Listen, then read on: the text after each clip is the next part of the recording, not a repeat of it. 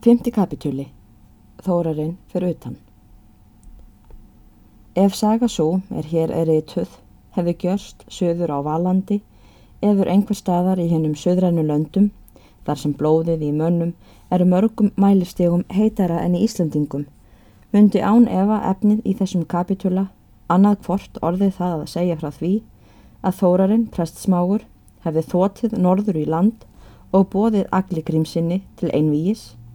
Þeir hefðu þá eftir margar vífilengjur og vagninga annað hvort sæst heilum sáttum ellegar annar hvor felt hinn á holmi.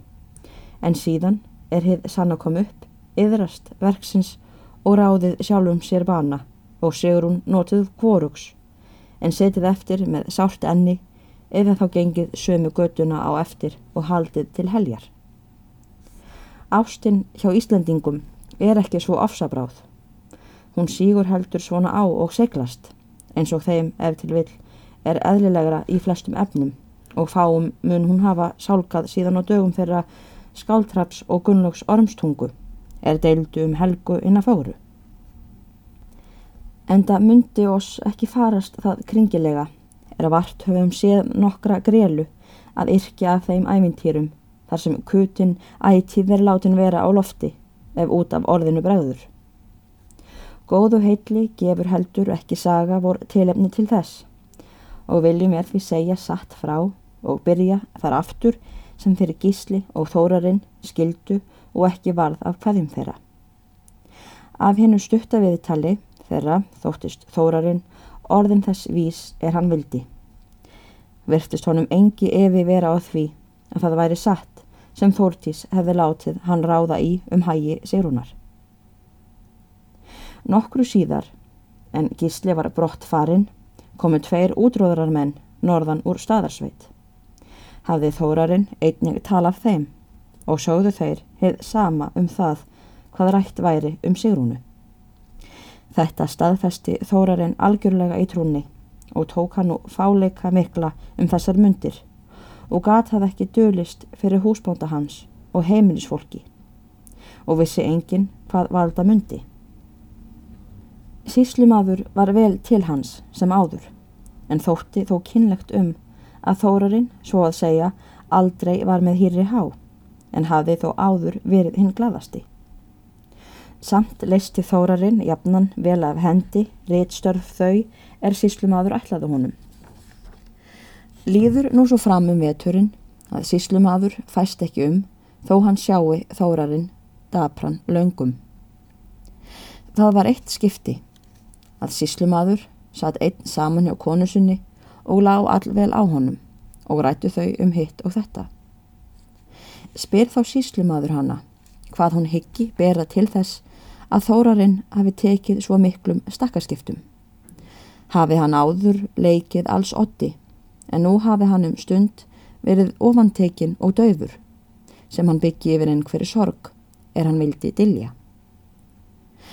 Kona síslumans lest ekki vita hvað til þess bæri en hvað stó hafa tekið eftir því að honum væri að nokkru brúðið. Gat hún þess fyrst að þórarinn myndi ekki kunna þar við sig og langa til áttaka sinna þar niðra. Ekki hvað síslumadur það myndi vera tilefni ógleiði þórarins. Kona síslumanns gatt enn annars til og þótti síslumanni það ekkert af líkindum. Þá þagnaði húsfreyja við um hríð, leggur á vangan og segir Mér getur þá ekki hugsast neitt heilin mín hvað hann kynni að setja fyrir sig nema ef það skildi vera eitthvað heilaslangur í honum um hana yngibjörgu okkar og ímyndaði sér að það gengi ekki. Og þetta getur verið, eða hefur þau séð nokkur deili þess, sagði síslumadur. Ó nei, sagði húsfreyja, ég sé það er gott og þægilegt á mellum þeirra, en ekkert sem sé orð á gjörandi. En mér hefur nú ætið fundist á ymbum minni að hún heldur að hún kæmi ekki hátt niður þá hún fengi einhvern fátækan óvalinn stúdent. Hún hefur það af einhverjum sínum krakkin, sagði hún og rekti sér dálitið upp í sætunu og geti ekki láð henni það því vel er hún af guðu gjörð og svo munu sumir segja að hún standi til að eignast nokkuð. Síslumadur stansaði dálítið við, strauk dósir sínar og svarar síðan. Svo mun það kallað, en það er ekki fyrir það. Þórarinn held ég vera gott vansafni. Mér hefur líkað ágætlega við hann, síðan hann yngað kom, og veit ekki hvort mér væri það svo mikið á móti skapi, ef hún vildi það. Já, en trúð þú mér til, segði húsfreyja. Hún myndi varðla eiga hann. Tiltökumál væri það, ef hann hefði silt og eitthvað gæti orðið úr honum. Við þetta feldu þau talið, en ekki er þess getið hvort það var þessi umræða eða annað sem var orsök til þess að nokkrum dögum síðar kom síslumadur eitt skipti að máli við þórarinn og er nú all blíður í viðmóti. Spyr hann þó þórarinn hvað valdi ógleði hans. Þórarinn er í fyrstu all tregur að segja honum það og lætur sem lítið sér til hæfu um það. En er síslumadur skorar fastara á hann um þetta mál, þá verður það að þórarinn þagnar um hríð en síðan segir hann.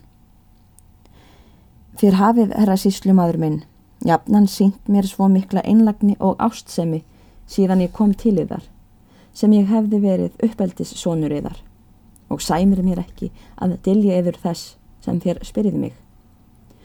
Og er yður þá satt frá að segja að síðan ég var barnað aldri og mann til mín hefur svo löngun ætið verið þost hjá mér að mig hefur langað til að fara utan.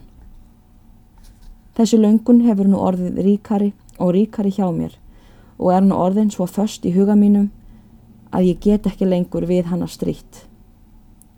Að sönnu sé ég nú lítið eða ekkert ráð í þessu, eða ég líti á efnahægin, en yfir að segja hef ég þó fast ráðið það, ef yfir er það ekki móti skapi, og fellur mér það þó á aðra hliðina þungt að slíta mig úr svo góðra fóraldra höndum sem ég hef hér í verið eða fyrir á annað borð hefðuð viljað halda mig lengur. Síslumadur sagði að raunar hefði hann óskað að hafa þórarinn í sinni þjónustu því vel hefði sér við hann fallið í alla staði en ekki vildi hann letja þórarinn fararinnar. Mundi það og reynast að hvar sem þórarinn kæmi mundi hann kallaður góður drengur en það væri það ungra manna að framast erlendis og fannst það á að síslumadur fyrsti hann í öllu. Héttan Þórarni að greiða honum árs kaup hans og þar að auki styrkja hann nokkuð með fararefni. Þórarinn átti og eftir að föðurarfi sínum nokkur hundruð í jörðu. Þennan jærðarpart veðsetti hann manni þar siðra og var það gjört með ráði síslumanns. Síndi og síslumadur að hann vildi styrkja þórarinn og hefur þess því verið tilgetið að hann hafi ætlað, ef utanferð hans tækist vel, að gefa honum yngibjörgu dóttur sína og er það ekki ólíklegt er hann sá að hann var hinn efnilegasti maður og líklegur til frama. En svo var hann séður að kvorki vildi hann láta þórarinn að ráða neitt í þessa fyrirætlun sína, fyrstum sinn, eða binda það neinum fastmælum. Enda fór þórarinn ekki þess á nokkur hátt á leit. En svo sagði hann frá síðar, eftir að hann var aftur komin hér til lands, að hefði Yngibjörg þá verið ógefin er hann komur siglingu, myndi hann hafa leitað þar ráðahags. Fyrir næst Sigrúnu hafi Yngibjörg verið hinn fegursta íslensk stúlka er hann hafi séð og um marga hluti hinn besti kvannkostur. Um haustið áður hafði skip eitt sem átti að fara til kaupmannahafnar orðið afturöka og láð það um veturinn að búðum. Átti það nú undir eins og Ísa leisti að sigla til Danmerkur. Með skipi þessu tók Þórarinn sér far og átti að vera komin til skips í seinustu viku einmánadar en þángaði til dvaldi hann hjá síslumanni var hann nú all gladur, það er menn gáttu séð, en bar harmsinn í hljóði. Engu að síður gata hann ekki glemt Sigrúnu sinni og fannst honum svo jafnan er hann var í einrúmi sem hann aldrei þaðan af myndi geta felt ástarhug til neittnar annarar konu. Lá hann oft vakandi um nætur í rúmi sínu og gata ekki fast svefn fyrir þeirri umhugsun. En því hafði hann tekið þetta ráð að fara utan, að honum fannst að hann myndi aldrei indi nema hér á landi úr því að Sigrún hafði brúðist honum. En á hinnan hliðina var hann hugssjúkur um það hver forlög myndi vænta sín í útlandu landi, þar sem hann átti ekki neitt atkvarf, en átti lítinn farareyri. Einan nótt, nokkur áður en hann ætlaði heiman, lá hann sem oftar vakandi og var að hugsa um hægi sína og sigrúnu. Datt honum það í hug að áður hann færi af landi burt, skildi hann rita sigrúnu og láta að minnst að kosti vita hvaða harm hún hefði búið honum með ótrúleik hennar. Hugsaði hann sér brefsefnið um nóttina.